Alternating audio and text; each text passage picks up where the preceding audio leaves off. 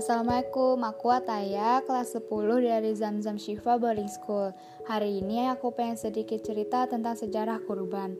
Hari Raya Idul Adha atau Idul Kurban yang juga dikenal sebagai Lebaran Haji merupakan salah satu hari besar yang diperingati oleh umat Islam di seluruh dunia. Hari Raya Idul Adha diperingati setiap 10 Zulhijjah atau tepat 70 hari setelah perayaan Hari Raya Idul Fitri. Perayaan Hari Raya Idul Adha disebut juga Idul Nahar, yang artinya hari penyembelihan. Ini adalah hari di mana kala itu Nabi Ibrahim alaihissalam mendapat perintah dari Allah Subhanahu wa taala untuk menyembelih putranya Nabi Ismail. Nah, kisah pengorbanan Nabi Ibrahim dan Nabi Ismail inilah yang kemudian menjadi sejarah di balik penyembelihan hewan kurban pada hari raya Idul Adha sejarah Idul Adha. Idul Adha atau Lebaran Haji yang juga dinamakan Idul Kurban merupakan waktu di mana kaum muslimin yang sedang menunaikan haji melakukan ibadah yang utama, yakni wukuf di Arafah. Pada hari ini Allah Subhanahu wa taala juga memberi kesempatan kepada umat muslim lainnya yang belum mampu melaksanakan haji untuk berkurban. Ini dilakukan sebagai simbol ketakwaan dan kecintaan umat Islam kepadanya. Hari Raya Idul Adha merupakan simbol untuk memperingati ujian terberat Nabi Ibrahim dan putranya Nabi Ismail. Dikutip dari kitab Mishkatul Anwar, diketahui Nabi Ibrahim alaihissalam kala itu ialah seorang yang kaya raya dengan kekayaan ternak melimpah. Nabi Ibrahim memiliki 1000 ekor domba, 300 lembu, dan 100 ekor unta. Ia pun disebut sebagai golongan miliuner pada zamannya itu. Suatu hari seseorang bertanya kepada Nabi Ibrahim, milik siapa ternak sebanyak ini? Kemudian Nabi menjawab, kepunyaan Allah, tapi kini masih milikku. Sewaktu-waktu bila Allah menghendaki, aku serahkan semuanya. Jangankan cuma ternak, bila Allah meminta anak kesayanganku Ismail, niscaya akan aku serahkan juga.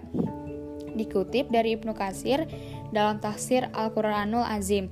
Pernyataan tersebutlah yang kemudian dikehendaki Allah Subhanahu wa taala sebagai bahan ujian untuk menguji keimanan dan ketakwaan Nabi Ibrahim alaihissalam. Melalui mimpinya yang hak, Nabi Ibrahim diperintahkan oleh Allah Subhanahu wa taala untuk menyembelih putranya Ismail yang kala itu masih berusia tujuh tahun. Ismail adalah seorang putra yang begitu lama dinantikan oleh Nabi Ibrahim dan istrinya Siti Hajar. Ia adalah anak yang rupawan, cerdas, sehat, dan soleh. Perintah penyembelihan putranya tersebut menjadi ujian yang teramat besar bagi Nabi Ibrahim alaihissalam. Peristiwa ini turut disebutkan dalam firman Allah Subhanahu wa taala di surat As-Saffat ayat 102. Dengan penuh ketakwaan dan iman pada Allah Subhanahu wa taala, akhirnya Nabi Ibrahim dan Ismail putranya pun ikhlas menerima perintah Allah Subhanahu wa taala tersebut tersebut. Ketika sedang mempersiapkan penyembelihan, datanglah setan seraya menggoda Nabi Ibrahim dengan berkata, Ibrahim kamu orang tua macam apa? Apa kata orang nanti? Anak saja disembelih. Apa tidak malu, tega sekali anak satu-satunya disembeli. Kemudian dengan tekad yang bulat, Nabi Ibrahim alaihissalam mengambil batu seraya mengucapkan Bismillahi Allahu Akbar. Lalu batu itu dilemparnya untuk mengusir setan. Kegiatan ini kemudian masuk sebagai satu rangkaian ibadah haji, yakni melempar jumroh. Kembali pada waktu ketika Ismail hendak disembelih ayahnya, Nabi Ibrahim memantapkan niatnya. Nabi Ismail pun telah pasrah dan tawakal pada perintah Allah Subhanahu wa taala tersebut. Sesaat setelah pisau nyaris digerakkan, tiba-tiba Allah menyeru dengan firman-Nya untuk menghentikan hal itu. Allah Subhanahu wa taala telah ridho pada keimanan Nabi Ibrahim dan Nabi Ismail. Sebagai imbalan keikhlasan dan iman keduanya, Allah mengucapkan cukupkan perintahnya dengan menyembelih seekor hewan ternak sebagai pengganti Nabi Ismail. Hal ini sebagaimana diterangkan dalam surat As-Saffat ayat 104 sampai 107. Itulah kisah pengorbanan Nabi Ibrahim dan Nabi Ismail yang menjadi dasar penyembelihan hewan kurban pada Idul Adha. Kisah keduanya menjadi teladan yang baik untuk semua umat Islam di dunia.